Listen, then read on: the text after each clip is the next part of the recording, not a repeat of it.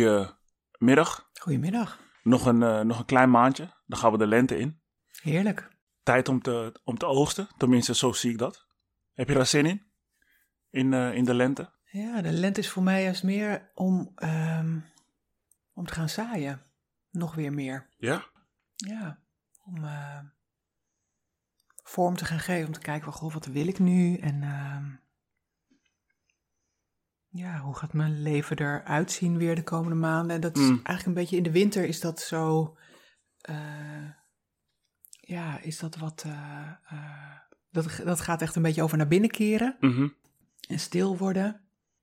En binnen die stilte, ja, zo gaan voelen en proeven wat, wat, er, dan, wat er dan wil komen. En Ja. in, de, in de lente ga ik dat Zaaien. zaaien. En ben ik al mee bezig ook, maar Ja. Ja, dan wordt het meer, ja, dat het echt mag, dat ik mag zaaien en dat het mag gaan groeien. Ja, mooi. Ja, Zie je de winter ook als een, als een periode om, eh, om los te laten? ja, echt om stil te worden. Ik ben daar niet zo goed in. Oké, ik ben gewoon te veel bezig. oké. Maar het is echt, eh, het is voor vrouwen sowieso de yin-periode. Hè? De Ja. yin-periode is echt naar binnen keren. Aha. Voor mannen is de zomer de yin-periode. Dus Ja. dat is echt Hoe kan dat dan? zeg maar. Ja, daar stel je me een vraag, daar heb ik eigenlijk Ja. geen antwoord op. Daar ben ik niet hier voor natuurlijk, maar ik ben wel meteen eh, Ja. geïnteresseerd. Ja. Interessant. hey, en eh, hoe heb jij deze winter beleefd? Ehm, ja, ik, ik hou wel, ik hou van dit seizoen. Hm. Ik hou wel ook van, ik hou wel van die stormen ook, zoals vandaag ook, dat het dan weer zo lekker waait. Ik vind dat echt heerlijk. Hm. Dus ik heb ook helemaal geen moeite daarmee. en ik heb wel, ja, een pittige tijd, zeg maar, met mijn moeder achter de rug. Eh, waarvan ik hoop dat dat nu weer wat rustiger wordt. Maar, ehm, ja.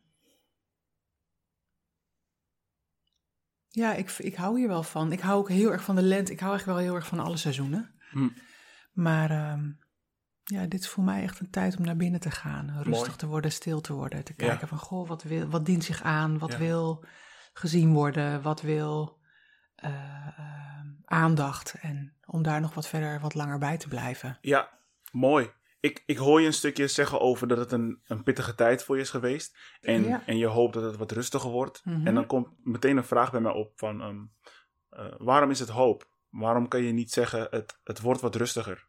Heb je, heb je iemand anders nodig voor die rust? Nee, in zoverre niet. Eh, maar die, ehm, die onrust had voornamelijk met mijn moeder te maken. En Mm. daar, ehm, ja, dat is, dat is niet alleen van mij afhankelijk of dat rustig is. Ja, ik begrijp. Dus dat is ook van haar afhankelijk. Ja, Of daar eh, nou, onverwachte dingen gebeuren. Ja. Konijnen uit de hoed komen. misschien Ja. daar eh, zo meer over. Ja, Eh, enkele maanden geleden zaten we ook zo tegenover elkaar. Ja. En we hebben een, een heerlijk gesprek gehad over hetzelfde onderwerp. En een van mijn, van mijn grootste angsten kwam uit. Het geluid kraakte van alle kanten. En ik voelde meteen eh, schaamte en schuld over mij heen komen. Want je doet natuurlijk eh, de moeite om, om naar mij toe te komen. Maar ook heel snel dacht ik weer van, weet je, het moet zo zijn. Want nu zijn wij enkele maanden verder. Ik neem aan dat jij hebt ontwikkeld. Eh, dat hoop ik. ja. En ik ook. Ja. Dus gaan we zien wat voor kennis en wijsheid we nu in deze podcast kunnen stoppen. Dus ik ben benieuwd. Ja. Eh, maar voordat we het onderwerp induiken, kan je nog even kort vertellen wie je bent Ja. en, eh, en wat je doet? Mijn naam is Iris Verhoeven. Ik ben eh, traumatherapeut. Ik werk met volwassenen die zijn opgegroeid bij ouders met psychische problemen en of een verslaving. Volwassen kop of kof wordt dat ook wel genoemd. Ja. En ik heb een praktijk daarvoor in Driebergen. Mijn praktijk heet De Heel in de Weg.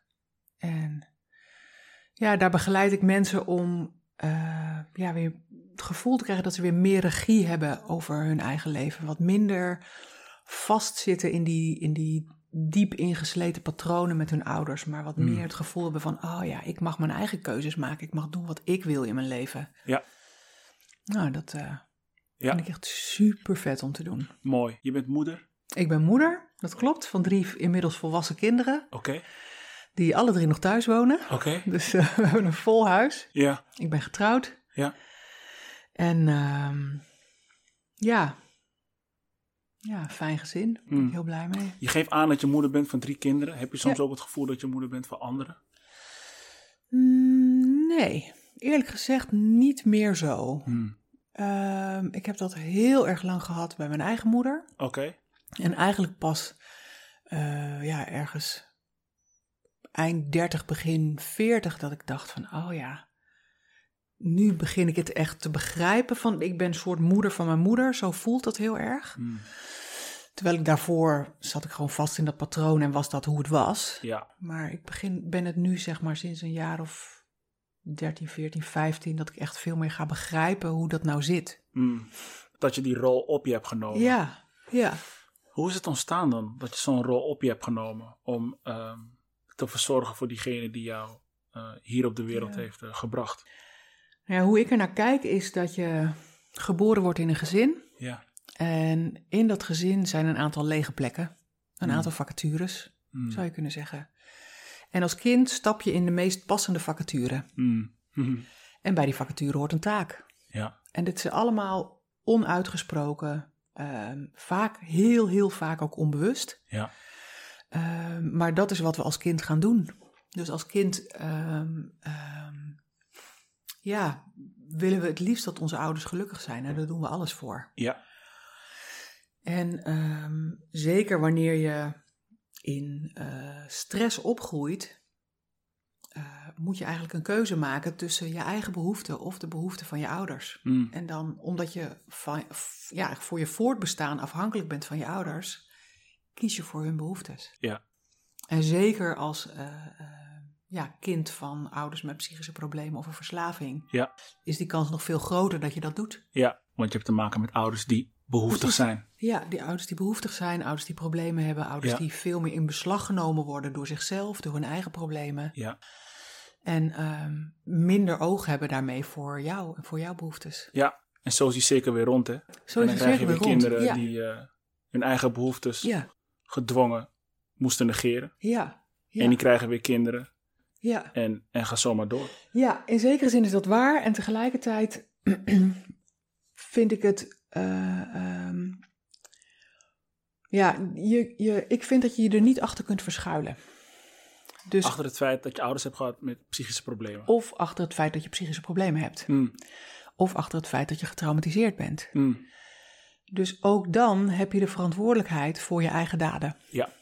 En ehm, eh, het lastige is, zeg maar, voor mensen van mijn, mijn generatie, is onze ouders die zijn tijdens of na de oorlog, zeg maar, opgegroeid. Ja. Nou, dat was natuurlijk een periode, was een vreselijke periode, waar sowieso heel veel trauma plaatsvond. Ja. Heel veel traumatische gebeurtenissen. En na de Tweede Wereldoorlog werd gezegd, we kijken niet meer om, we kijken vooruit, we gaan bouwen. Hmm. Ja, en dan als je niet omkijkt, kijk je dus ook niet om naar je trauma. Ja, je negeert de donkere stukken eigenlijk. Je negeert de donkere stukken. Hmm. En tegelijkertijd spelen die in, het, in je dagelijks leven een hele grote rol vaak. Ja, ja. En ehm, ja, een beetje mensen van jou en mijn generatie hebben de dankbare en ondankbare taak om hun trauma's aan te kijken. Ja. Onze ouders hebben dat over het algemeen niet gedaan. Hm. En ehm, ja, dat heeft voor ons grote consequenties gehad, maar voor hun ook. Ja. Voor ons betekent het feit dat er meer kennis is over trauma en veel meer begrip daarvoor, veel meer eh, dat, we, dat we beseffen van, oh ja, wat je hebt meegemaakt, wat traumatisch is geweest voor jou als kind, Hm. of in hoe je opgroeide, dat heeft effect. Eh, dat heeft effect op, je, eh, op hoe gezond je mentaal bent Ja. en emotioneel bent. Ja, Ja, dat, dat, dat begrijpen we steeds beter. ja, En dat betekent dat wij onszelf be- steeds beter kunnen gaan begrijpen, Mm. steeds beter op onszelf kunnen reflecteren. En dus ook kunnen kijken van, oh ja, weet je, ik doe dit. Oh, ik kan me voorstellen dat, eff- dat het effect heeft, heeft op iemand anders, op jou. uiteraard. En wat, Ja. wat betekent dat dan voor je? ja, alsof die kennis ons net iets meer bewustzijn heeft gegeven dan onze ouders en hun ouders. Ja, En ga ja. zo maar door. ja. Nou ja, de traumawetenschap is pas 50 jaar oud. Ja, Dus dat weten we nog maar heel, heel kort. ja, Dus als je beseft, zeg maar, dat nou, nog maar een paar decennia geleden eh, eh, kinderen en baby's werden geopereerd zonder verdoving, Ja, vertelt dat wel iets over hoe we keken naar kinderen. ja, Ja, die hebben geen gevoel. ja. Nou, we weten inmiddels dat kinderen ongelooflijk veel gevoel heb- hebben. En ja, dat het gewoon heel belangrijk is om daar oog voor te hebben en aandacht. Mooi. Ja, meer gevoel als dat wij hebben, denk ik. Nou ja, ik weet het niet. Wij hebben daar, ik denk dat wij dat nog steeds ook hebben. Alleen dat er ook ja, stukken zijn die we hebben moeten dicht doen in Hmm. onszelf. Omdat het gewoon te groot was als Hmm. kind. Dat was niet meer te hanteren. Ja, het paste niet, want we moesten andere overlevingsstrategieën Precies, toepassen. ja. Hm, Je moest, je moest dat afsluiten, dat stuk van trauma. Dat, dat moest je afsluiten. ja, Dat kon niet anders, want anders overleefde je het niet. nee. Eh, daar is wel meer over trouwens, over, over trauma ook. hey, je hebt al ruim vijf jaar een eigen praktijk. Ja, De Helende Weg ja, is naar binnen. ja. Het heet De Helende Weg. Ja, Maar en de ondertitel, er- precies, de ondertitel is, is de weg naar binnen. Mooi. Klopt. Nou, zo meer over de naam, want de naam vind ik perfect. En eh, ja, we gaan steeds meer naar de tijd dat men ook echt begint te beseffen dat dat de helende weg is. Ja, Ehm, maar zo'n ingeving om voor jezelf te starten, dat komt naar mijn idee alleen maar binnen dat als jij denkt dat als jij de leiding neemt, het veel, ehm, ja, veel vruchtbaarder zal zijn. Hmm. Ja ik, weet niet, ik weet niet of dat voor mij het, het uitgangspunt is geweest In 2018, hè? in 2018. Ja. Ehm, het is eigenlijk een soort heel, ja, wat rustig proces geweest, zeg maar. Ik ben eh, eh, een driejarige opleiding gaan doen over, ehm, ja, eigenlijk, die ging om therapeut worden. Maar Ja. ik ben er vooral aan begonnen omdat ik dacht, ik wil gewoon begrijpen hoe mijn eigen proces in elkaar zit. Eh, dus ik wilde gewoon snappen, waarom ben ik zoals ik ben? Waarom doe ik wat ik doe? Hm. En aan het einde van die opleiding dacht ik van nou, misschien kan ik dit ook wel. Hm.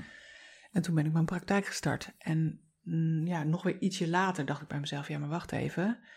Al die verhalen, ik ken de term kopkind, ken ik al heel erg lang. Ja. Maar eigenlijk een beetje door een soort samenloop van omstandigheden en door een paar opmerkingen die mensen maakten, dacht ik ineens bij mezelf, wacht even. Maar stel nou eens dat het zo is. Stel dat ik er nou eens zelf een ben. Hm. En zo ja, is dat eigenlijk samengekomen. Hm. En dan had ik op een gegeven moment dacht ik van, ik moet ook gewoon, ik ga ook stoppen met voor een baas werken. En dat voelde ook echt als weer helemaal opnieuw het huis uitgaan. Weet je, zoals ik toen ik echt 18 was, huppakee de deur uit. Was dat nu weer. Niet meer iemand die vertelt wat ik moet doen en hoe ik het moet doen. Maar ik beslis, ik bepaal, zo ga ik het doen. En dat heeft me heel veel ruimte gebracht. Hm. Een bevrijding, zo klinkt het ook voor mij. Ja, het was echt geweldig. Ja, Dus het ik was was een- heel blij mee dat ik dat gedaan heb. Ja, dus het was een term, kopkinderen, Ja. die je eigenlijk al heel lang kende, maar Ja. eigenlijk nooit hebt afgevraagd van, hé, hey, ben ik zelf wel een, een kopkind? Nee. Nee. Ja, ja. Nee, dus het, het, weet je, je hebt natuurlijk heel veel kopkinderen van nu die in, eh, nu opgroeien bij eh, ouders met psychische problemen of een verslaving. Ja, Eh, ehm, de mensen die bij de hulpverlening aankloppen, daar Hm. is van bekend ja. dat het kopkinderen zijn. De, Mhm. Tenminste, de kinderen van die mensen die aankloppen. Mhm. Maar er gebeurt heel veel achter de voordeur wat gewoon niet gezien wordt. En dat was bij mij thuis zo. Mijn ouders hadden geen diagnose. Niemand had het in de gaten. Nee. En Nee. ja, weet je, dus nu zijn er zo'n 573.000 kinderen onder de 18 die opgroeien in deze gezinnen. Nou ja, dat zijn gezinnen waarvan ze dus weten, die ouders die hebben problemen. Hm. Nou, er zijn een heleboel kinderen waarvan het helemaal niet duidelijk is. Hm. En heel veel volwassenen hebben ook nog geen idee. Nee. En dan wat zijn psychische problemen? Ik kan mij voorstellen als jij in een bepaalde fase zit van je leven en je kijkt naar je ouders, dat je geen idee hebt dat je ouders psychische Nee. problemen hebben, Nee. want je hebt het misschien genormaliseerd. Maar zo is het ook. Dus je, wat je, waarin je opgroeit is normaal. Ja, precies. zo ervaar je dat. Ja, Ik heb echt, denk ik, tot ver in mijn dertigste heb ik eh, eh, gezegd... nee hoor, niks aan de hand bij mij thuis vroeger. Mm. Ik zeg het allemaal prima. ja, Ja. Heel erg lang. ja. En dan toch, als je kijkt naar iemands leven. Kijk, en misschien ben ik soms heel zwart-wit, hè. Maar ik heb het idee dat vaak genoeg mensen denken dat ik heel gauw oordeel. Mhm. Maar ik zie het een beetje zo. Ik, ik kijk naar hoe iemand zijn leven inricht. Ja, Dat zegt natuurlijk heel veel over Ja. zijn of haar binnenwereld. En als ik zie hoe eh, die binnenwereld is, kan ik ergens een beetje de connectie maken met ehm, eh, hoe jouw emoties op jonge leeftijd zijn gereguleerd. Mhm. En ehm, ik wil niet meteen zeggen van, Nee. ja, je ouders zijn psychisch niet in orde. Nee. Uh, maar ergens, ja, als jij langdurig te maken hebt met een narcist bijvoorbeeld, dan is er ergens een periode geweest in het huishouden dat jouw emoties er niet toe deden. Mhm. Zie jij, zie jij dat ook zo? Ja, ja, dat zie ik ook zo. Hmm, Ja, ja en dat is. ehm, en zeker als je het dan hebt over narcisme, dan is dat eigenlijk, dan blijft dat zo. Ik bedoel, ehm, wat heel helpend is als ouder, is dat je. Er zijn twee dingen die, die, je, die je kind het beste kunt meegeven: Mhm. onvoorwaardelijke liefde Mhm. en eh, eh, aan jezelf werken, zelfreflectie, Ja. naar jezelf durven en kunnen kijken. Hmm, Dat is vaak, niet altijd, maar vaak bij mensen met psychische problemen niet het geval. Hmm. Zijn ze daar moeilijker toe in staat. En als je het dan hebt over narcisme, helemaal. Dat is Vanwege gewoon, het niet hebben van die zelfreflectie. Ja, Ja. die zelfreflectie die is er gewoon niet. Dat is ook het ingewikkelde van, van opgroeien met of leven met iemand met narcisme. Ja. Hmm. Dus dat is lastig, ja. Even over de naam. Kop. Kinderen. Ja. Kind van de ouders met psychische problemen. Ja, Wanneer mogen we spreken over psychische problemen? Want iedereen heeft wel eens last van eh, Ja. psychische problemen. Een probleem van het psyche. ja. Nou, ik denk... ehm, ik, in mijn beleving gaat het precies daarover wat ik, waar we het net over hadden. Over Mhm. dat er geen zelfreflectie is. Hmm.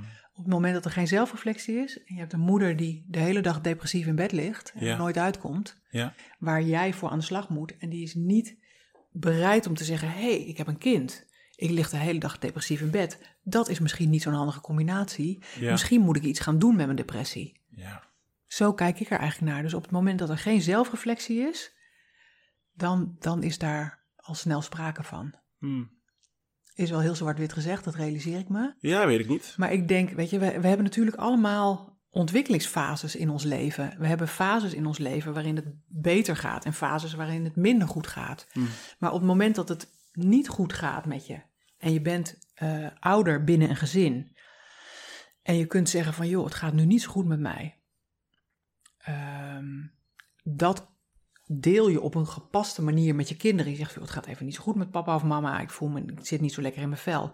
Maar ik heb hulp en daar ben ik daarmee bezig en mee aan het werk. Ja. En dat komt wel weer goed. Ja. Ook heel duidelijk een boodschap gevend aan je kinderen van jullie hoeven niet voor mij te zorgen. Dat doe ik zelf. Hmm. Dan kom je een heel eind. Ja. Heb je dat zelf ook ervaren, dat je bent opgegroeid in een omgeving eh, met mensen die ja, geen zelfreflectie hadden? Ja, Geen empathie? ja, Jarenlang? ja. ja. Hoe ja kom daar je ben ik in opgegroeid. Ja, dat is dus inderdaad het hele punt. Ehm, nou, ik denk dat ik, eh, eh, en dat merk ik ook met de mensen met wie ik werk, dat daar bijzonder genoeg toch ook een heel groot gezond stuk in zit. Wat zegt, wacht even, er moet nu iets anders gaan gebeuren wat goed is voor mij. Ja. En dat is een hele lastige keuze, want eh, dat, eh, Bessel van der Kolk die zegt dat ook. Hè? Hoe eh, groter het trauma is wat mensen oplopen, wat kinderen oplopen aan hun ouders, hoe groter de loyaliteit.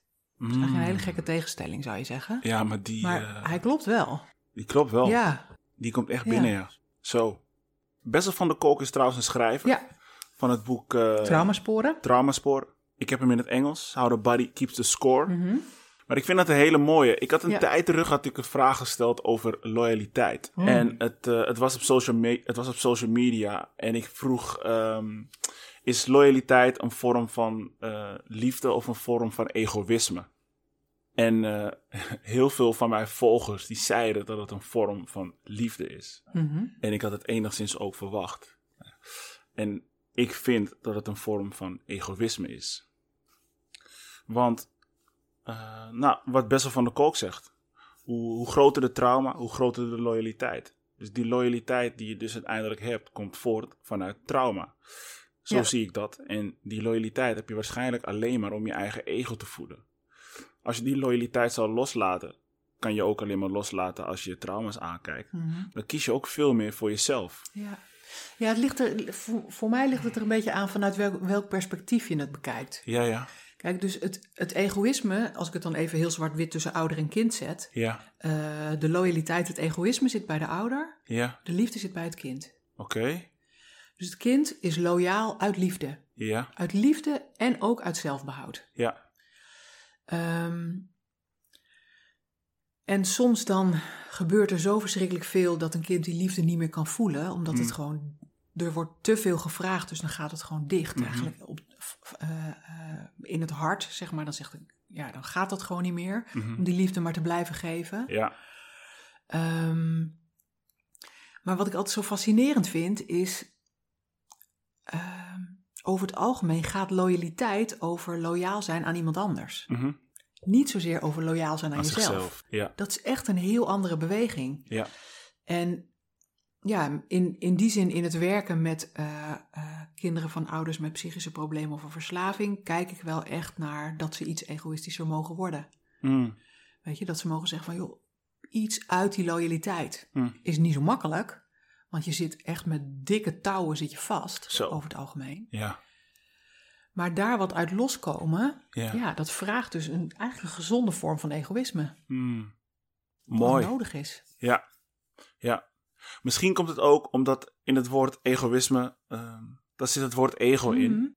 En dat is puur bedoeld om het ego te voeden. Ja, En, en ik denk als je loyaal bent naar je moeder, naar je vader, naar je zus of naar wie dan ook, dat het niet per se betekent dat het je ego voedt.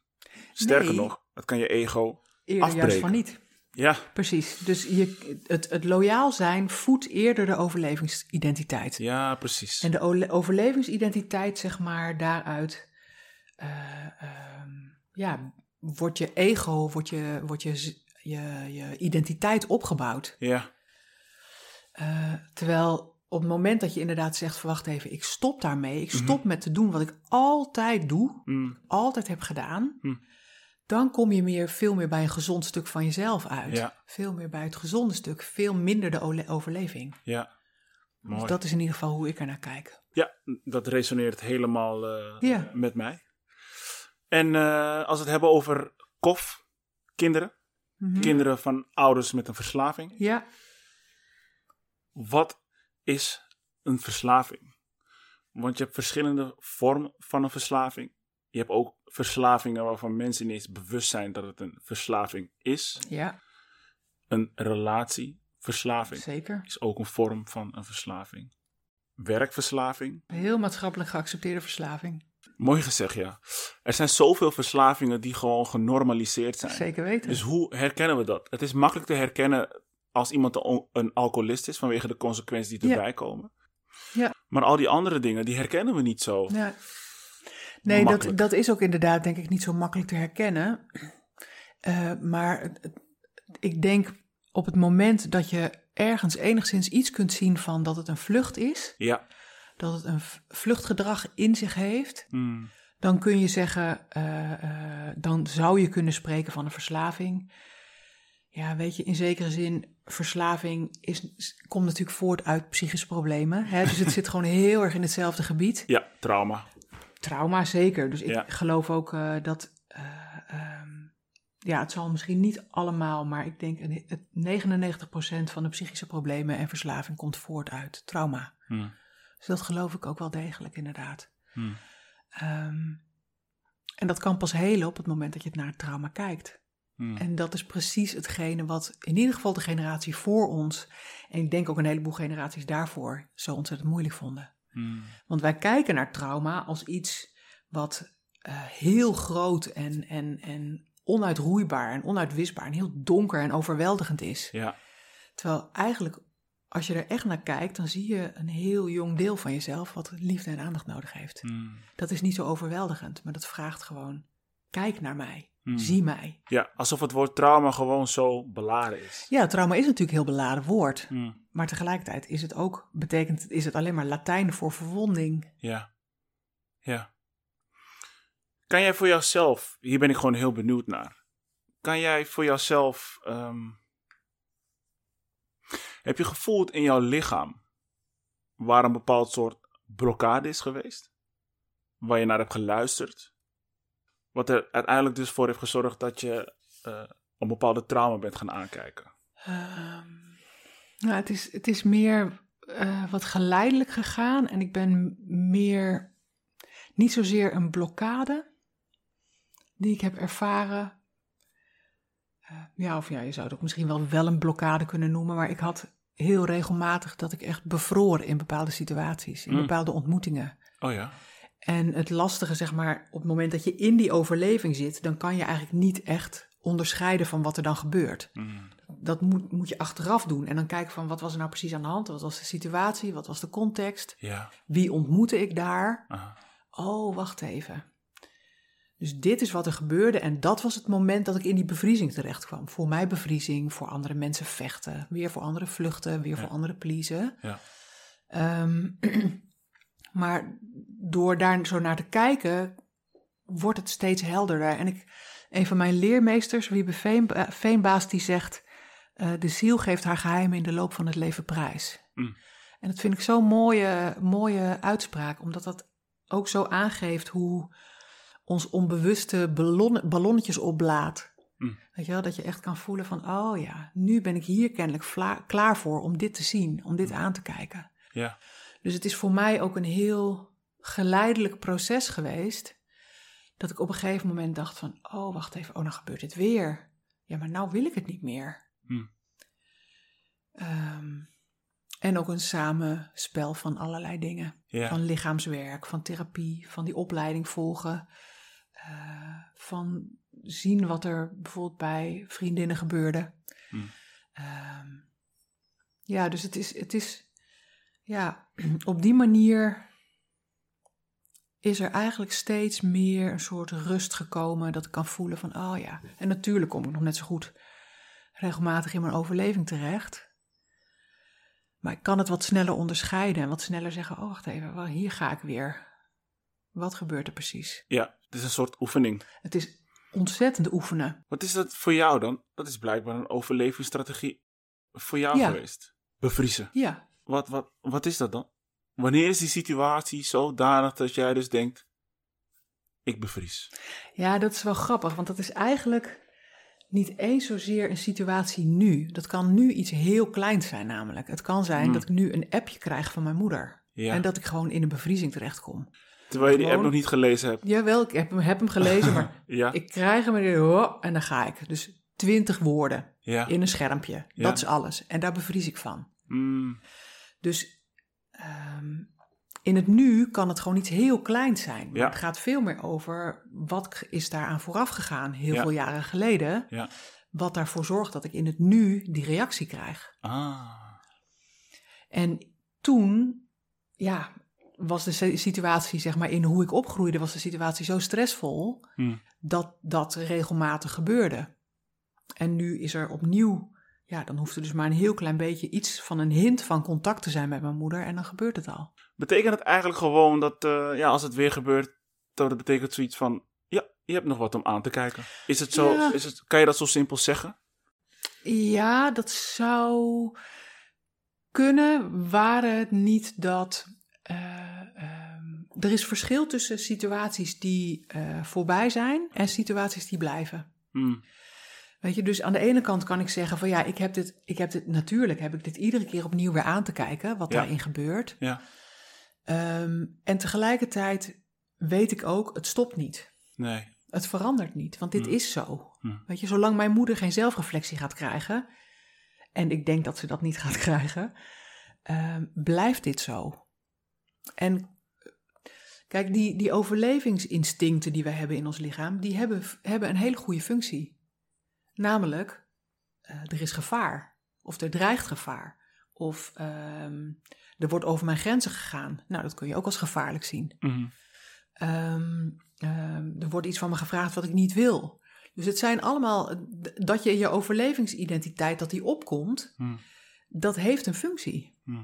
Ons lichaam heeft zoveel wijsheid in zich. Zo, Het kan echt zeggen van, ja, maar oké, maar deze situatie hier dreigt dus gevaar. ja, Oké, er dreigt gevaar. Wat betekent dat dan voor mij? ja. Nou, en daar kan ik dan nu inmiddels rustiger naar kijken. Ik heb mijn telefoon op het moment dat ik dat appje van mijn moeder kreeg, heb ik doorgegeven aan mijn man en gezegd van, joh, kijk even, wat is een passende reactie? Kijk gewoon even met me mee. En dat helpt mij al om uit die bevriezing te komen. Dat ik het niet meer helemaal in mijn eentje hoef te doen, want dat is vaak wat er gebeurt. Onze eh, overlevingsidentiteit komt op in situaties die overweldigend zijn en waarin we dus helemaal alleen zijn en aan ons lot zijn, overgelaten. Mm. In plaats van dat er een, een volwassene op dat moment heeft gezegd: Oh schat, wat gebeurt er? Ik zie dat je heel erg geschrokken bent. Kom maar even bij me. Mm. Nee, je hoeft niet weg. Blijf maar gewoon bij me tot je weer rustig bent. Ik heb alle tijd, ik ben er voor je. Dan is het geen trauma, want dan word je ontmoet. Maar over het algemeen in dat soort situaties was je, was je alleen. Want je komt bij je ouders. Je En die terecht. zijn er juist precies niet. Ja, Daar kan je inderdaad niet terecht. Dus Ja. die zeggen ja. En dan ben je totaal alleen. Mm. En dat is veel te overweldigend als je zo heel jong bent. dat begrijp ik, ja. Dat begrijp ik. hey, dus zeg je hiermee dat als je het gevoel van bevriezen blijft hebben, dat je er niet per se wat mee hoeft te doen? Je hoeft er niet voor te zorgen dat het helemaal niet meer gebeurt. Nee, Hmm. het heeft een functie. Juist. Juist. je, dus, dus onze overlevingsinstincten, zeg maar, dat is ons zenuwstelsel. Ja. Wat in de afgelopen 500 miljoen jaar geëvolueerd is tot wat het nu is. Maar Ja. wat, we, wat er 500 miljoen jaar geleden was, hebben we nu nog steeds. Hmm. Een deel daarvan. Het, is, het is handig, het is nuttig, het is, heeft een functie. Ja. Het heeft ook fantastische kwaliteiten. Ja. Weet je, mensen die vechten als overlevingsidentiteit hebben, die kunnen vaak heel goed dingen voor elkaar krijgen, dingen Mhm. regelen, Ja. niet te moeilijk doen, weet je. Nee, niet, die kunnen bijvoorbeeld ook heel goed hun grenzen aangeven. Ja.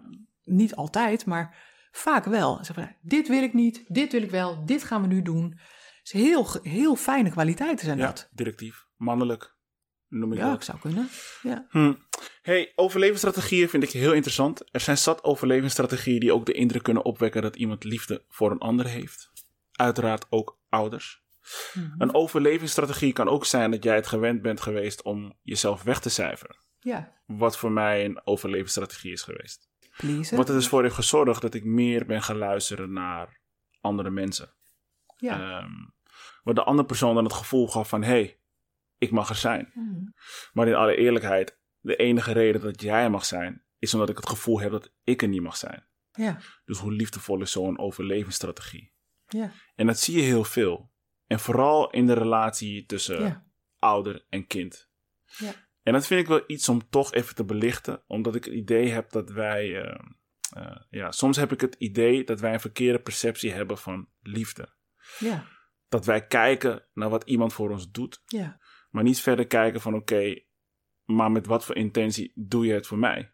ja. Doe je dit om, eh, om niet te lijden aan gezichtsverlies? Of doe jij het puur voor mij? ja. Is die fase herkenbaar voor jou?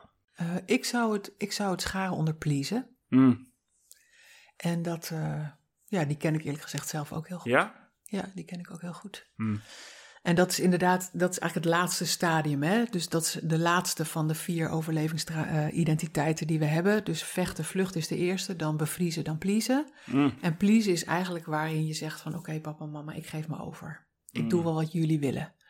Omdat er kennelijk echt, echt, echt nu bewezen is dat er geen ruimte is voor mijn behoeftes. mm. En dan kan je inderdaad het idee hebben van ik geef, ik moet gewoon al mijn liefde geven. Moet gewoon al mijn liefde geven. In de hoop op iets van een kruimeltje of een sprankje terug. En dat is natuurlijk heel pijnlijk. Ja, dat komt er niet. Wellicht, maar in ieder geval niet in de mate die je nodig hebt of graag zou willen. Ja.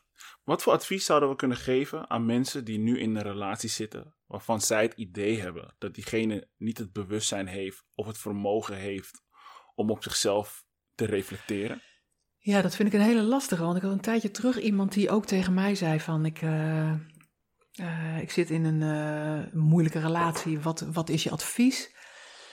Kijk, ehm, dan kun je heel makkelijk gaan zeggen van oké, dan moet je gewoon uitstappen. Precies. Maar dat is de, dat is de shortcut oplos- oplossing en die bestaat gewoon eigenlijk niet. Ja. Ehm, dus ik zou dan zeggen van, eh, als ik dan advies zou geven, zou ik zeggen van, joh, kijk hoe je die dynamiek in de relatie die je nu ervaart, hoe je die kent van hoe je bent opgegroeid Hmm. en hoe dat eventueel gespiegeld wordt. En mensen gaan hun eigen pad, hebben hun eigen moment, hebben hun eigen tijd. Dus je kan nooit zeggen van je moet dat nu doen, want ja, Weet je, vaak is die uitspraak komt ook voort uit mijn gevoel van machteloosheid. Van nou, als jij dat nou doet, dan ben ik weer gerustgesteld. En hoef Ja. ik me niet zo zorgen te maken om jou. En dan voel ik me niet zo machteloos dat ik niks kan doen aan jouw situatie. Ja. Dus ja, mensen lopen hun eigen pad. Hm. En die komen op een gegeven moment wel of niet zelf tot de conclusie dat ze zeggen van oké, het is nu klaar, het is nu genoeg geweest. Ja. En dat kan je niet forceren, dat kan je, daar kan je iemand niet toe dwingen. Nee. Nee. En ik denk dat het ook eh, te veel advies is. Dus dat, Precies. weet je, als ik nu naar jou toe kom en ik vraag wat kan ik doen? En jij zegt tegen mij, ja, loslaten. En ik doe dat. Ja, Ja, het komt niet uit mezelf. ja, Ik heb het van jou meegekregen. Dus dat lijkt mij ook niet eh, heel verstandig. Nou, het, het, het is niet zo zinvol, want de kans is heel groot dat je gewoon weer teruggaat. Precies. Omdat je, je behoeftes zijn nog steeds om terug te gaan. Omdat je niet helder hebt voor jezelf van wat is de dynamiek Dynamiek. nou eigenlijk. Mm. En die dynamiek, die is heel oud. Mm. Weet je, niemand.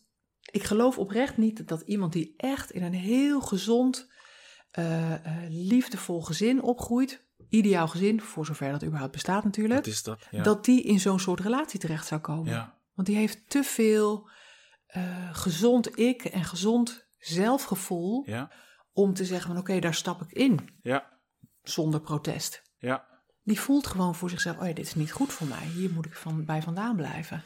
Ja, ik vind, nu je dit zo vertelt, ik vind het, ik vind het heel mooi. Van, kijk even wat er, kijk even, wat, wat was het nou? Ja, kijk wat er gespiegeld wordt. Kijk hoe die dynamiek zich, hoe je die kent. Hoe je die Mm. al van veel jonger kent in het, vanuit het gezin waarin je opgegroeid bent. Mooi. Ja, heel mooi. Want dan kan je natuurlijk zien waarom je er zo aan vastklampt. En misschien kan je dan vanuit jezelf, kan Ja. je zeggen van, hé, hey, ik moet het Ja, loslaten. dat heeft tijd nodig. Ja. Totdat je eigenlijk gaat voelen, oh ja, en nu is echt mijn grens bereikt.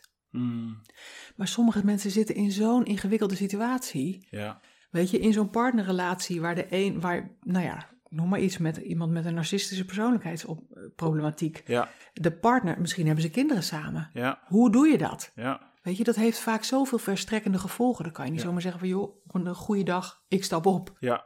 Dat is te makkelijk. Tuurlijk. Want je denkt wel na over de consequenties. Ja? Er zijn zat onderzoeksbronnen die laten zien dat er aanzienlijk meer Nederlanders lijden aan psychische klachten dan Ja. enkele jaren geleden. Ja. Nou, ik, ik, ik ben niet zo iemand dat als ik hoor onderzoeksbron, dat ik denk van ja, het zal wel. Ik wil het zelf zien, want ik geloof niet zomaar in onderzoek. Maar eh, ja, als ik zo om mij heen kijk, kan ik me heel goed voorstellen dat, heel, dat veel meer mensen psychische problemen hebben. Merk je dat ook in, in, in je praktijk? Ehm, In jouw praktijk? ja, ik merk dat mensen echt worstelen. Hmm. Ehm, Ben je er blij mee dat mensen worstelen? nee, ik vind het pijnlijk om te zien. Ehm Gabor Maté heeft net een, eh, een nieuw boek weer Mhm. uitgebracht, hè? The Myth of Normal? Ja, precies, de myth, myth of normal. En eh, waarin hij ook zo schrijft over een toxische, toxische samenleving. Hm. En dat is waar we in leven, Ja, met elkaar. ja. dus ja, dat vind ik heel pijnlijk om te zien. En ik, ik ben een heel kleine schakel in dat hele verhaal rondom trauma zichtbaar maken. Waardoor mensen ja, kunnen voelen van, oh ja, goh, als ik er naar kijk, als, het, als ik er een tijdje zo bij blijf en, en bij mezelf ga aanvaarden, oh ja, zo was het, dat er dan rust mag komen en dat, er dan, dat ze dan gaan voelen, oh ja, ik kan gewoon dingen gaan doen die goed zijn voor mij. Ja, Ik ga, kan mijn leven gaan vormgeven zoals ik dat graag wil. ja. Ik denk dat dat heel erg van belang is. Hm. Maar ja, weet je, ik denk dat er nog veel te weinig door die traumabril gekeken wordt. Ja, En ik denk ook, een, eh, ik denk nu inmiddels een klein jaar geleden was er een, eh, eh, was er bij de publieke tribune zaten kopkinderen, was er een interview van Koen Verbraak met eh, een heel aantal kopkinderen. Mm. En echt nog jonge kopkinderen ook, die nog, ja, nou ja, eind, eind tienerjaren, begin twintig zo. En dan wordt er gezegd van ja, die kinderen zijn zoveel, zo veerkrachtig, ze hebben zoveel veerkracht. En denk nee, ze hebben een hele stevige overlevingsidentiteit opgebouwd Mm. omdat er niet gekeken wordt vanuit trauma. Er wordt gekeken vanuit van, oh ja, zoveel veerkracht gekregen. ja. Gewoon een hele sterke overleving. ja Dus precies. dat vind ik echt een grote misser. Hmm, Dus we noemen veerkracht iets als je een bepaalde gebeurtenis of een heftige situatie hebt overleefd.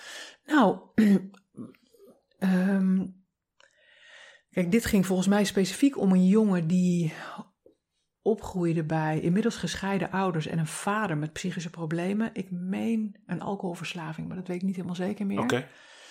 En hij ehm, ging op een gegeven moment, eh, is hij, heeft hij zijn vader een tijdje niet gezien en ging Hmm. hij zijn vader wel weer opzoeken. Hmm. Maar dan ging hij op zoek naar de drank en gooide die weg. Ehm, eh, ging hij tegen zijn vader zeggen van, joh pap, dit moet je niet doen. Ging hij tegen zijn vader zeggen van, kom, we gaan iets leuks doen samen. Hmm. Dat is niet de taak van een kind.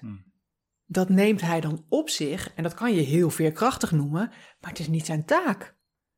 Het is de taak van de vader om voor het kind te zorgen. En dat vind ik zo pijnlijk. Dat gezegd, ja nee, zo veerkrachtig. Hmm. Maar ondertussen overleeft hij daarin en wordt er niet gekeken naar van, joh jeetje, wat doet het eigenlijk met jou dat je voor je vader dat je de drank moet gaan weggooien? Hmm. Hoe is dat voor je? Ja. Of dat je je vader uit bed moet trekken halverwege de middag van kom nou eens uit je bed en besteed eens aandacht aan mij en ga eens koken in plaats van dat ik voor het eten moet zorgen terwijl ik 16 ben. Ja. Ja.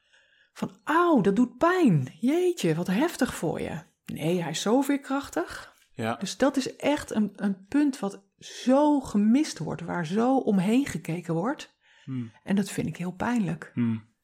Dat begrijp ik. Waar je eigenlijk ook boos om kan maken. Omdat die jongen zelf een hele andere associatie heeft met gevoelens. Ja, Hij die denkt kind van, nu, eh, goh, wat ben ik veerkrachtig. Precies. Ik denk bij mezelf, ja, maar hoeveel oog mag jij hebben voor je eigen trauma? Ja. Of moet je maar naar je vader blijven kijken wat hij nodig heeft? Want jij bent zo veerkrachtig Ja. en je vader is dat niet. Ja. Ja. En tegelijkertijd vind ik ook, zijn er ook hele hoopvolle dingen hoor. Want ik heb bijvoorbeeld in 2017, als ik het goed heb, is eh, David van den Berg, is een psycholoog, die is gepromoveerd op eh, eh, het onderwerp trauma en psychose. Hm. En hij heeft dus ontdekt dat op het moment dat mensen met psychose behandeld worden, Hm. en er wordt juist wel naar het trauma gevraagd, dat die behandeling veel beter gaat. Hmm. En dat die mensen veel beter, weet je, herstellen. Ja. Dus dat vind ik echt te gek. Ja. Ja. En nu heb je ook Anne Mars- Marsman, die is ook, eh, zij is ook psycholoog, ook gepromoveerd. Eh, en heel erg over, dat gaat veel meer over eh, ehm, wat trauma nou eigenlijk in het lichaam doet, wat dat vertelt en hoe je daarmee om kunt gaan. En dat je daar dus naar moet luisteren en niet alleen maar naar wat, je, wat er cognitief nou allemaal overgebracht wordt. ja. Het is allemaal zo cognitief eigenlijk. Het is ontzettend cognitief. Ja. Ja, Of we nou bewust of onbewust zo geprogrammeerd worden, dat is iets voor ehm, eh, een ander gesprek. Maar het valt mij op dat heel veel cognitief is. ja. Waardoor we eigenlijk gewoon de, de, de symptomen gewoon nooit bestrijden. Nou ja, we missen ze. Hmm, We hebben ze gewoon in de gaten. hmm, Terwijl je lijf vertelt zoveel. ja. Welk, wel- welk vak zou je willen implementeren op school? Hmm. Ehm, iets over hoe zitten relaties nou eigenlijk in elkaar? Hmm, Hoe zitten relaties tussen ouders en hun kinderen in elkaar? hmm, Eh, iets over eh, zelfbeeld.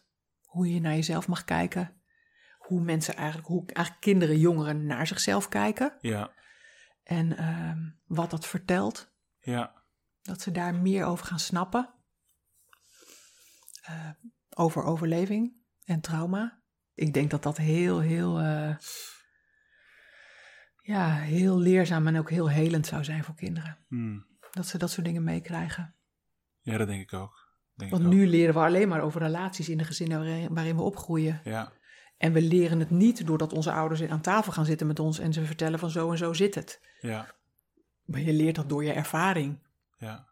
En daar kan je, als je, zeker als je zo heel jong bent, nog absoluut geen woorden aan geven. Hmm. Het is meer, de- ja, dat zijn de ongeschreven wetten, zeg maar, die eh, Ja. in onze gezinnen zo gelden. ja.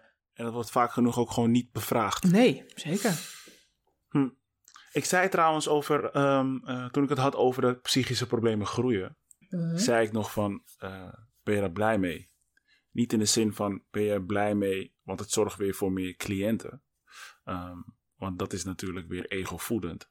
Maar meer in de zin van, eh, ik wil niet per se zeggen dat ik er blij mee ben, maar ik vind het wel een goed teken. Want ik zie een depressie als een moment om dichter bij je kernfrequentie te komen. Ja. En zonder die depressie kom je er misschien gewoon helemaal niet. Mhm. Dus al het psychische lijden dat er op wereldwijd niveau nu plaatsvindt. Ik vind het vervelend dat het plaatsvindt natuurlijk. Ik gun het niemand. Maar ik heb wel het idee dat het nodig is om, om met z'n allen, ja, eh, dichter bij ons ziel te komen. Want we zijn zo vervreemd van onze ziel. Ja. Ja. Dus uh, ja, ik wilde dat toch nog even gezegd hebben. Omdat het misschien overkwam alsof ik bedoelde van... hé, hey, nu heb je lekker meer cliënten. Ja. Nee, maar de, ik snap op zich wel wat je zegt. Weet je, het, het, het, het is een soort van... Um, uh, pijnlijke uh, en bevrijdende dynamiek in één. Hè? Hmm. Dus dat, het, dat je merkt van, oh ja, het, het, er komen steeds meer mensen met psychische problemen. Mensen die gewoon uitvallen omdat ze het niet meer kunnen bijbenen. Ja. En dat, dat uh, vertelt iets inderdaad over hoe we bezig zijn met z'n allen. En dat we het eigenlijk met z'n allen gewoon niet meer trekken. Ja. En dat is eigenlijk ook waar dat boek van Gaber Maté over gaat. Ja. He, dus in die zin, ja, het, zitten we een soort van op ramkoers, heb ik wel eens het idee. Ja, precies. Met, ons, met ons als mensheid. Ja. En is het misschien ook nodig om op een gegeven moment echt helemaal tot stilstand te komen, omdat we echt eens kunnen gaan kijken van, goh, wat is er nou toch in godsnaam allemaal aan de hand met ons? En Ja. dat is ook verschrikkelijk spannend, want dan moet je dus gaan kijken naar van, goh, wat, wat- welke pijn heb ik eigenlijk en wat, wat ligt daar allemaal aan ten grondslag? Ja. En dat voelen we liever niet. Nee, die schaduwstukken. Ja, Dus je moet die schaduwstukken aankijken voor spirituele groei. ja. Ja, en ik zie het eigenlijk nog niet eens zozeer als schaduwstukken. Ik zie het veel meer als een traumarespons. Hmm. Weet je, dus dat, dat ehm, ja, zoals ik het ook wel ken van mijn vader, hoe boos hij kon zijn, hoe verschrikkelijk boos hij naar mij kon zijn. Dat kun je zien als een schaduwkant. Ik zie het eerder als een symptoom van totale frustratie en machteloosheid, dat hij gewoon niet kon eh, eh, aansluiten, dat hij niet bijvoorbeeld mijn moeder kon bereiken in wat hij in hoe die graag met haar de verbinding wilde. Hm. Ehm, dus ik zie het veel eerder als dat het allemaal ehm traumaresponses zijn eigenlijk. Hm. Dus als iemand dan veel bozer wordt dan past bij de situatie, dan kan je eigenlijk, is het een soort wetmatigheid, dan doet er iets ouds mee. Ja. Dat kan gewoon niet anders. Ja. Want als het alleen maar om dit kleine dingetje in het nu ging, Ja. werd je lang niet zo boos. Dan zei je van, joh, dit vind ik niet fijn. En dat was het dan. Ja, maar goed, dat kan je tegelijkertijd ook alleen maar herkennen als jij als mens niet behoeftig bent. Dus als in ehm, eh, die, die trauma's bij jezelf moet je ook enigszins verwerkt hebben. Hè? Ja, Want, want als je dat nou krijgt, hè, je komt in een conflict terecht met iemand die ervoor kiest om boos te worden of om te schreeuwen. Dan kan het zo zijn dat het een en ander bij jou ook omhoog komt. ja, Omdat je bepaalde trauma's niet hebt aangekeken. En op een gegeven moment ga jij er ook, eh, ja, je gaat er ook tegenin. En bam, dan zijn jullie allebei niet meer hier. Jullie zitten allebei in die trauma. Dus ik denk, ehm, ja, des te belangrijker het is om als mens de, de focus te leggen op jouzelf. ja, Ehm, want dan kan je beter ja, eh, reageren in zo'n situatie. ja, dat denk ik ook. Hmm. En ik denk zeker op het moment dat je dan allebei in zo'n soort boosheid komt, dat het zo'n soort van opbouwt. Hè? Dan ga je proberen Mm. over elkaar heen te gaan. Hmm. Ja, dan zit je allebei in je overleving. Hmm. En dat, die komt niet uit de lucht vallen. Ja. Weet je, dus dat vind ik zo van belang om erbij te noemen. Waar kom je in de lucht vallen? Die overleving komt niet uit de lucht Ah, vallen. Die ja. is ooit ontstaan. Die Ja. komt ergens vandaan. Dat Ja. was ooit de beste optie. Hmm. Weet je, om te doen. Dus ja, er hoeft maar iets getriggerd te worden en dan gebeurt dat nu weer. En je zit er weer in. Ja, dus dat is, het, ziet, het is niet fraai Nee. over het algemeen. Het ziet er niet zo fraai uit. Nee. Maar het, het komt echt ergens vandaan. Dus daar kan ik eerlijk gezegd ook wel met heel veel mildheid naar kijken. Van joh, weet je, zo doe je dat dus. Want dit was eigenlijk de enige manier waarop je het op de een of andere manier nog voor elkaar kreeg om iets voor elkaar te krijgen. Om Mhm. iets gedaan te krijgen zoals jij het wilde. Ja. Ja. En dat hoeft nu niet meer. Maar zolang je niet kijkt naar waar dat ooit zo ontstaan is, waar je ooit zo niet gezien bent, zo tekortgekomen bent, Ja. zo aan de kant geschoven en genegeerd bent, Ja. blijft dit, blijf je dit doen. Ja. Dus dat is wel waar ik denk waar onze verantwoordelijkheid ligt. Dat we kijken naar waar ons gedrag in het nu vandaan komt. Hmm. En dat he- hebben ook mensen met psychische problemen of een verslaving, hebben die verantwoordelijkheid. Ja. Maar ja, goed. Weet je, mensen met psychische problemen of een verslaving hebben misschien dan weer niet die, eh, die zelfreflectie. Dat is het punt. Ik heb er wel een vraag over. Of misschien eerder een tip of advies voor mijzelf. Ja, Want ik kan best wel, ehm, ehm, ik kan heel snel zijn met het eh, verbreken van contacten of mensen loslaten. En soms vraag ik me af, doe ik het te snel of niet te snel? Ik weet het niet helemaal goed. Maar als ik met iemand in contact kom waarbij ik het idee heb dat diegene niet zelfreflectief is Mhm. en ehm, diegene vraagt geen advies of wat dan ook en het komt structureler of vaker voor dat diegene vanuit zijn overlevingsstrategie reageert, Mhm. dat herken ik. Ja, Ehm, ja, op een gegeven moment zeg ik, het is oké zo, want het kost mij energie. ja. Zou je dan zeggen van ja, ik vind dat je te snel loslaat? Ehm, ja, dat vind, ik, dat vind ik een lastige vraag om te beantwoorden. Kijk, op het moment dat je in contact gaat en aangeeft van... joh, dit vind ik niet fijn... en er wordt systematisch elke keer weer over jouw grens heen gegaan... terwijl je heel duidelijk bent van... joh, dit vind ik niet fijn. Ja, Ja, op een gegeven moment kan je misschien niet meer anders... dan te zeggen van oké, het is nu klaar. Mm. Want ik geef het aan ja, en je respecteert het niet. ja, En dit is voor mij zo'n groot issue, zo'n groot thema. Daar Ja. kan ik gewoon niet omheen, want dan precies. Eh, respecteer ik mezelf niet meer. Of dan, dan, dan verlies ik mezelf in het contact en dan ga ik, ja, dan is het, dan is het gewoon niet meer echt of zo tussen ons. Ja, Nou ja, dan kan ik me voorstellen dat je zegt van nou, hier eindigt het. ja, precies. Maar het vertelt vaak ook veel over ehm, ja, hoe je als kind liefde hebt gegeven en liefde hebt gegeven en liefde hebt gegeven. En dat je op een gegeven moment dat er zulke rare dingen gebeuren en zo, zoveel over je grenzen is gegaan, dat je op Mm. een gegeven moment dat, dat je je hart gewoon dicht moest doen. Hmm. Dat je gewoon moet zeggen van nou, nou is het klaar. Nou kan ik gewoon niet meer die liefde voelen, want ik heb het zo gegeven en ik kreeg zo weinig terug. Hmm. Dus nu is het klaar. Dus dat kan. Ja, dat, eh, dat klinkt wel logisch en herkenbaar. Ik merk nu vooral dat nu mijn hart iets meer open is. Dat idee heb ik tenminste. Ja, Dat, eh, dat er ook veel meer binnenkomt of binnen kan komen. En dat ik Ja. veel sneller voel van oké, dit is wat wel voor me werkt. Ja. En eh, dit is wat niet voor me werkt. Ja, Hmm. ja en ik kan me ook zo voorstellen, kijk, als je ehm, niet kijkt naar hoe die dynamiek nou met vriendschappen bijvoorbeeld, ik noem maar iets, hè, hoe, hoe die dynamiek nou gaat. Eh, en je brengt, je brengt het niet thuis, letterlijk. Dus je brengt het niet terug naar hoe jij diezelfde dynamiek kent vanuit eh, het gezin waarin je bent opgegroeid. Ja, Ja, dan blijft het zich herhalen en Ja. herhalen en herhalen totdat je het op een gegeven moment wel gaat zien. Mhm. En er wel bereid bent om er naar te kijken of er wel klaar voor bent om er naar te kijken. ja, Maar anders dan blijf je iedere keer hetzelfde doen. In, Mhm. in relaties hetzelfde. ja. Ja, dat klinkt, dat klinkt heel logisch. Het klinkt heel logisch, maar Ja. het is niet zo makkelijk. Nee, nee, dat snap ik. Kunnen we, kunnen we wel concluderen dat kopkofkinderen, ehm ja, dus ouders hebben die het pad naar binnen nooit hebben bewandeld? Niet of onvoldoende. Ah, onvoldoende. En hoe meer ze dat wel doen, hoe beter de, de volwassen relatie is. Want op het moment dat je als ouder tegen je kind, kind kunt zeggen: Jeetje, joh. Ja, ik kan me echt voorstellen dat hoe ik heb gedaan, hoe ik ben geweest, dat dat echt zoveel effect op jou heeft gehad. Ja, Poh. Dat eh pijnlijk. Wat zou dat fijn zijn, hè? Dat zou zo fijn zijn. Want ik, weet je, ik begeleid mensen die soms bij me komen die zeggen: Ik heb tot aan hun dood gesmeekt Om, mijn moeder, zeg nou gewoon dat het zo was. Erken het nou gewoon. Hm. En dat ze het niet deden.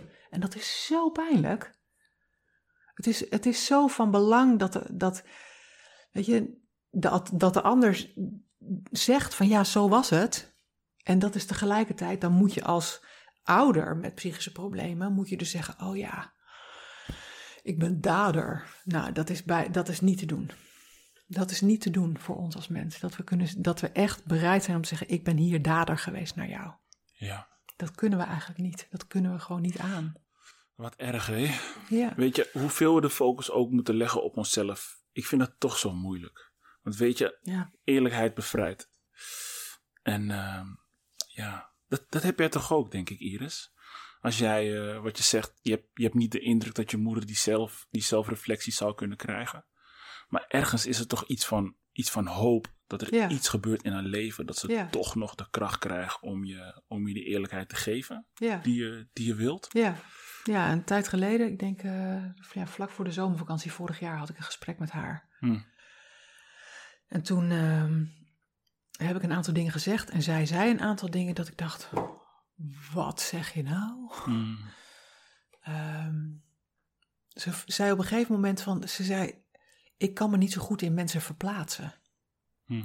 Toen bleef het even stil en toen zei ze tegen mij, hoe heb jij dat gedaan? Zo.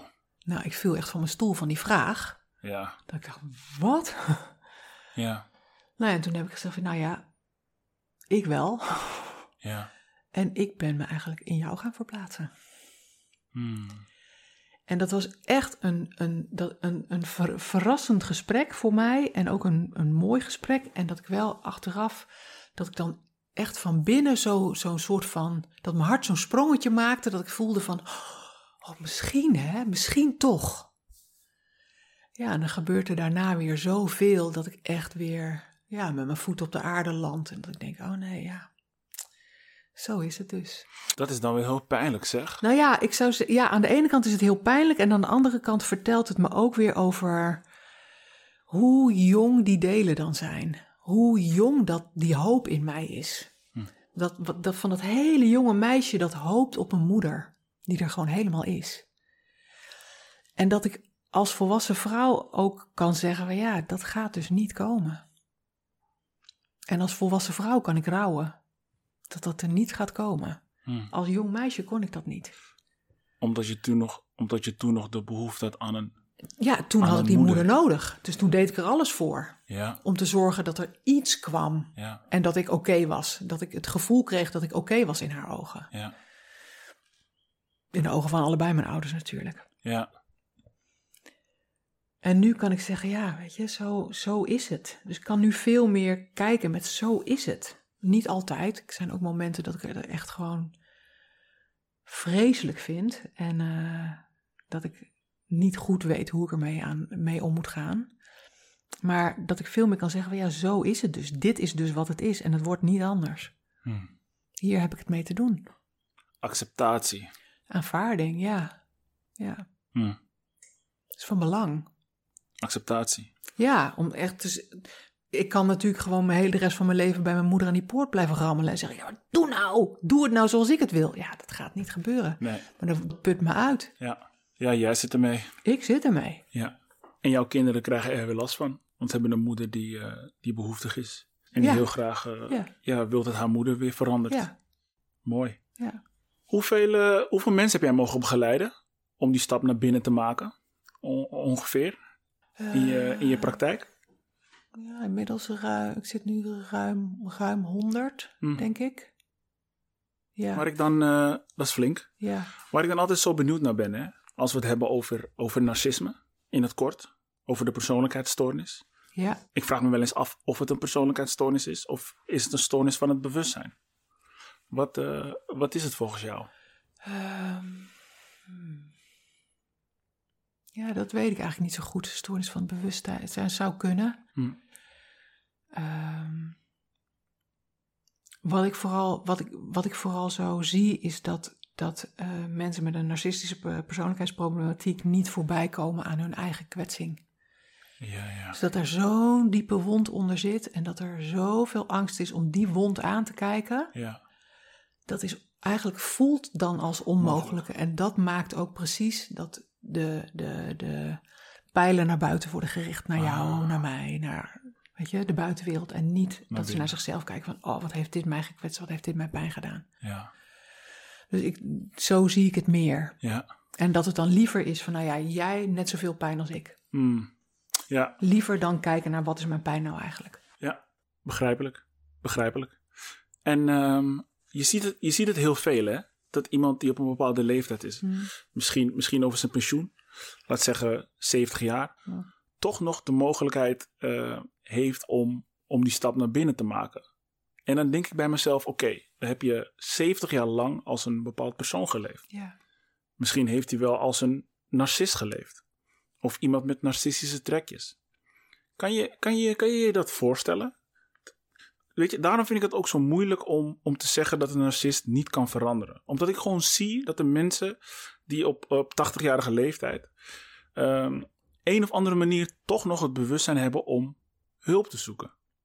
En hulp zoek je alleen maar omdat je zegt van oké, het ligt aan mij. Ja, het ligt er heel erg aan. Dus het ligt er heel erg aan welke psychische problematiek er speelt. Ja, tuurlijk. Dus je hebt mensen met eh, bipolaire stoornis, Ja. mensen met depressie.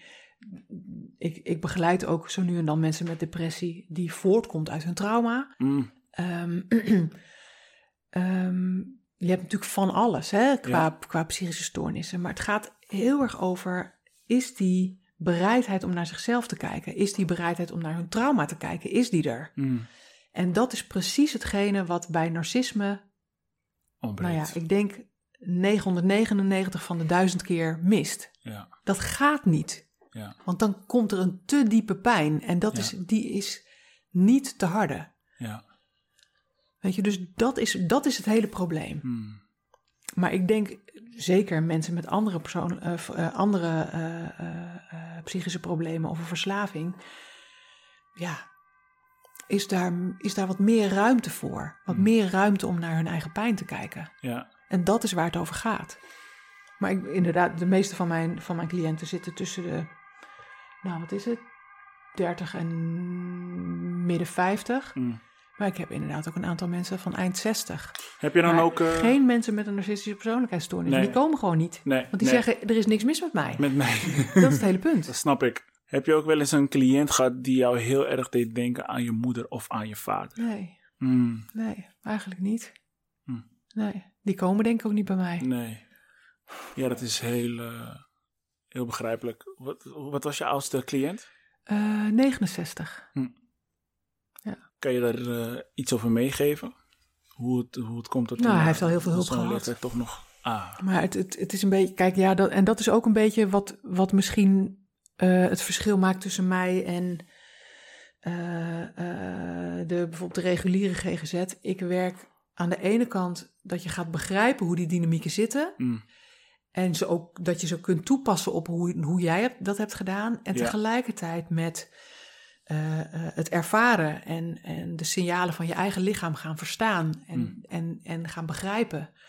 En dat toepassen in de realiteit van, oh ja, wacht even, ik had hier een ontmoeting en daar gebeurde dit weer. En wat gebeurde daar nou precies mee? Dus Mm. ik werk op die twee lagen. ja.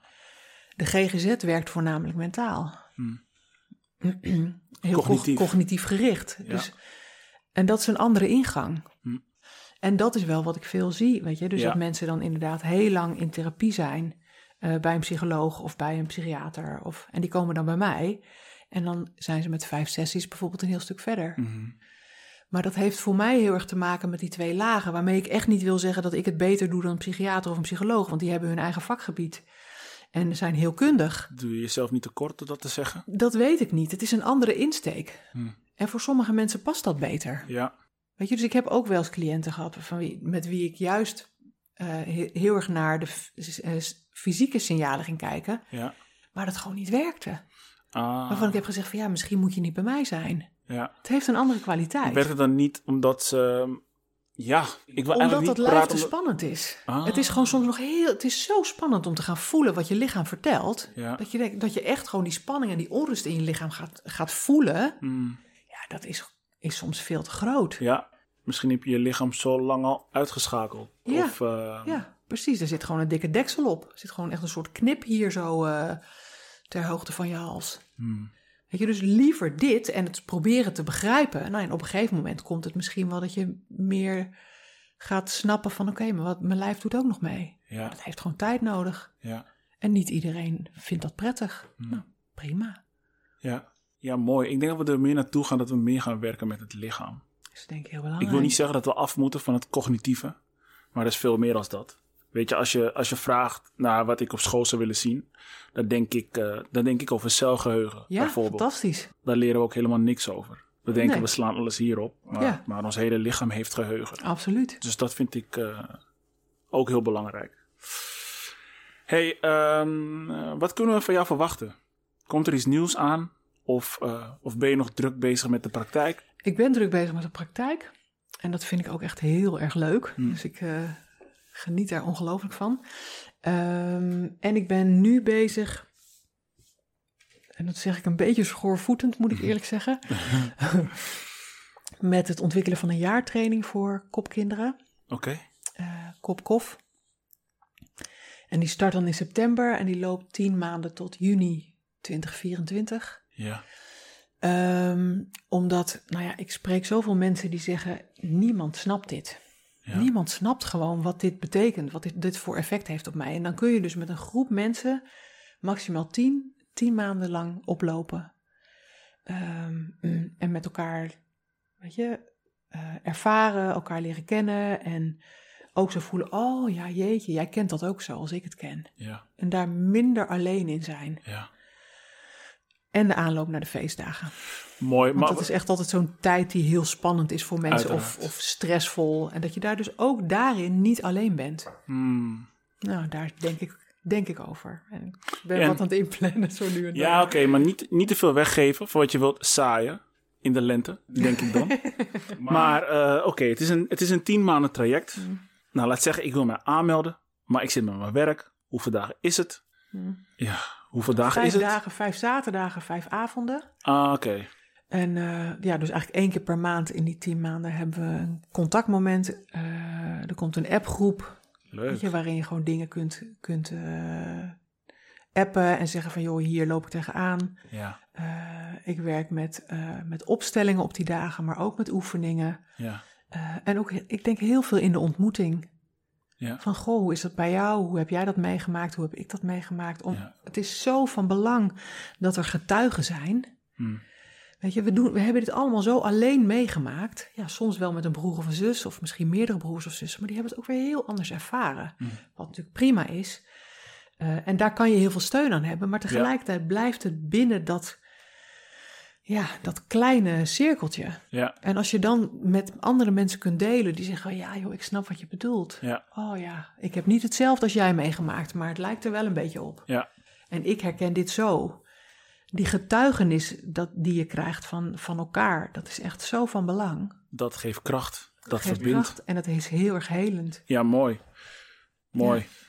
Misschien, ehm, misschien toch nog een tip.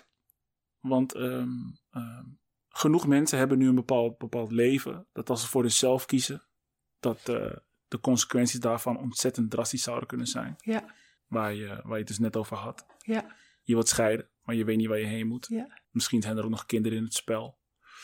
Of, eh, of een puber die financieel afhankelijk is van een narcistische vader. Een psychopathische werkgever. Ja. Een labiele moeder die volledig op jou steunt. ja. Zo zijn er talloze situaties. Mhm. Wat, voor, eh, wat voor tip heb je voor mensen die daar nu mee te maken hebben?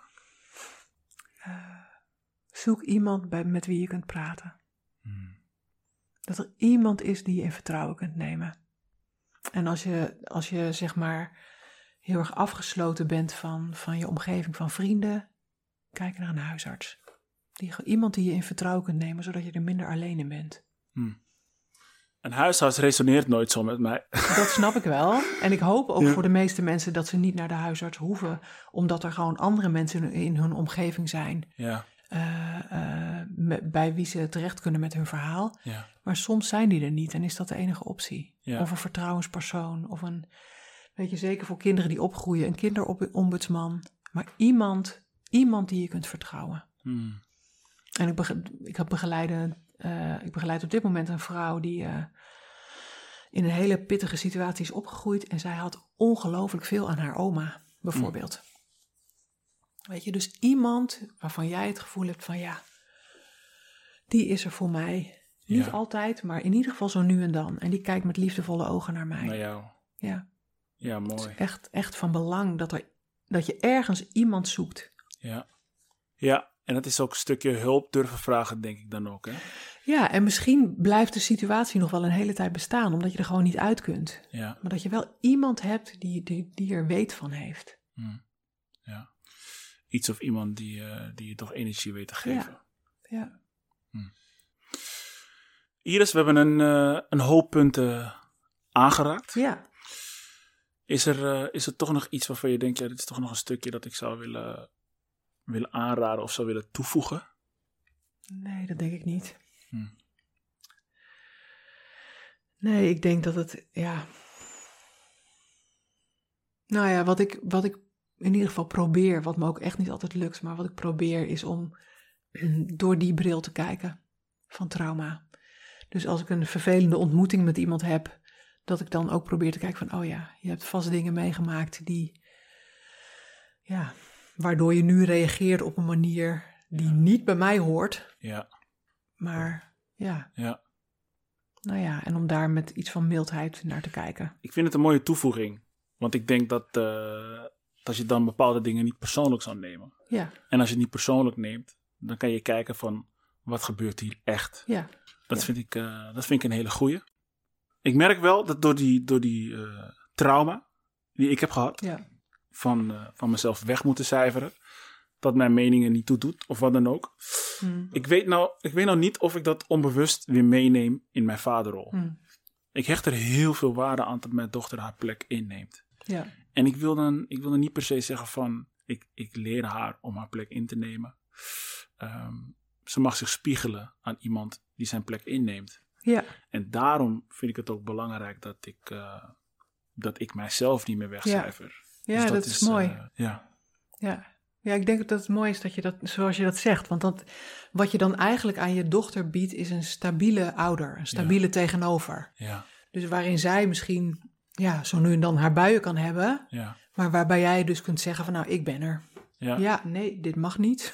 Ja. Maar ik snap dat je er boos over bent en ik ben er. ja, Dus dat is van belang. ja, Ehm, en ik geloof tegelijkertijd ook dat trauma zich over het algemeen niet in één generatie oplost. nee. Weet je, dus er is eh, een aantal generaties voor nodig. Plus daarbij leven we nu in de tijd dat het steeds zichtbaarder wordt en dat we steeds meer kennis daarover hebben. Het versnelt, hè? Ja, dat idee heb ik ook. Heel veel mensen die afkomen van hun ouders. Ja, Dat is, eh, dat is echt een ding. Ja. Een, een, een thema dat bijna in elke aflevering weer een keer terugkomt bij mij. Weet je, superleuk als je, als je vegetariër bent en eh, allerlei leuke ruimtes opzoekt die jou energie geven ja, en voedend voor je zijn. Maar Ja. eh, je hebt nog steeds contact met iemand die je leegzuigt. ja, Dus dat zegt ook wel, eh, ja. En wat? om daarin te leren begrenzen.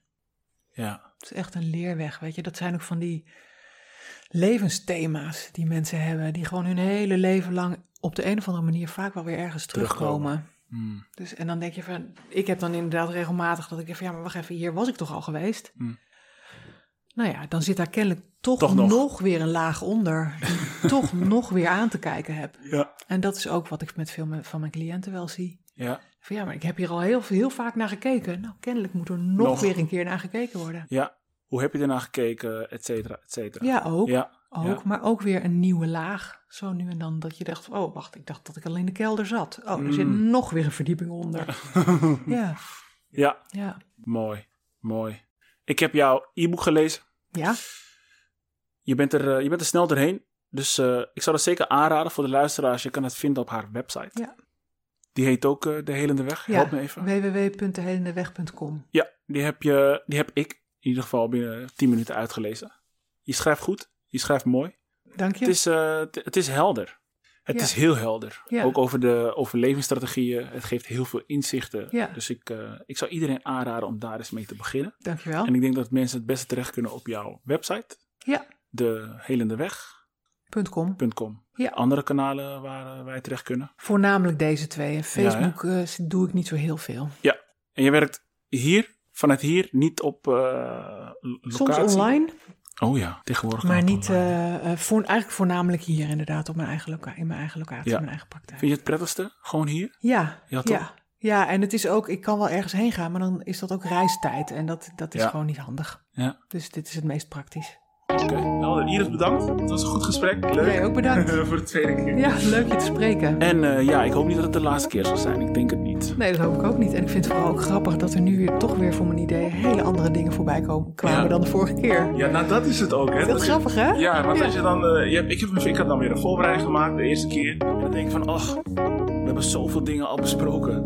Ja, Ik moet opnieuw. ja. Maar goed, weet je, als je weet te dansen met elkaar, komt er altijd wel iets vruchtbaars uit. Dat is ook zo. En dat deden we ook. Dankjewel. Dankjewel. Verbinden met Roms.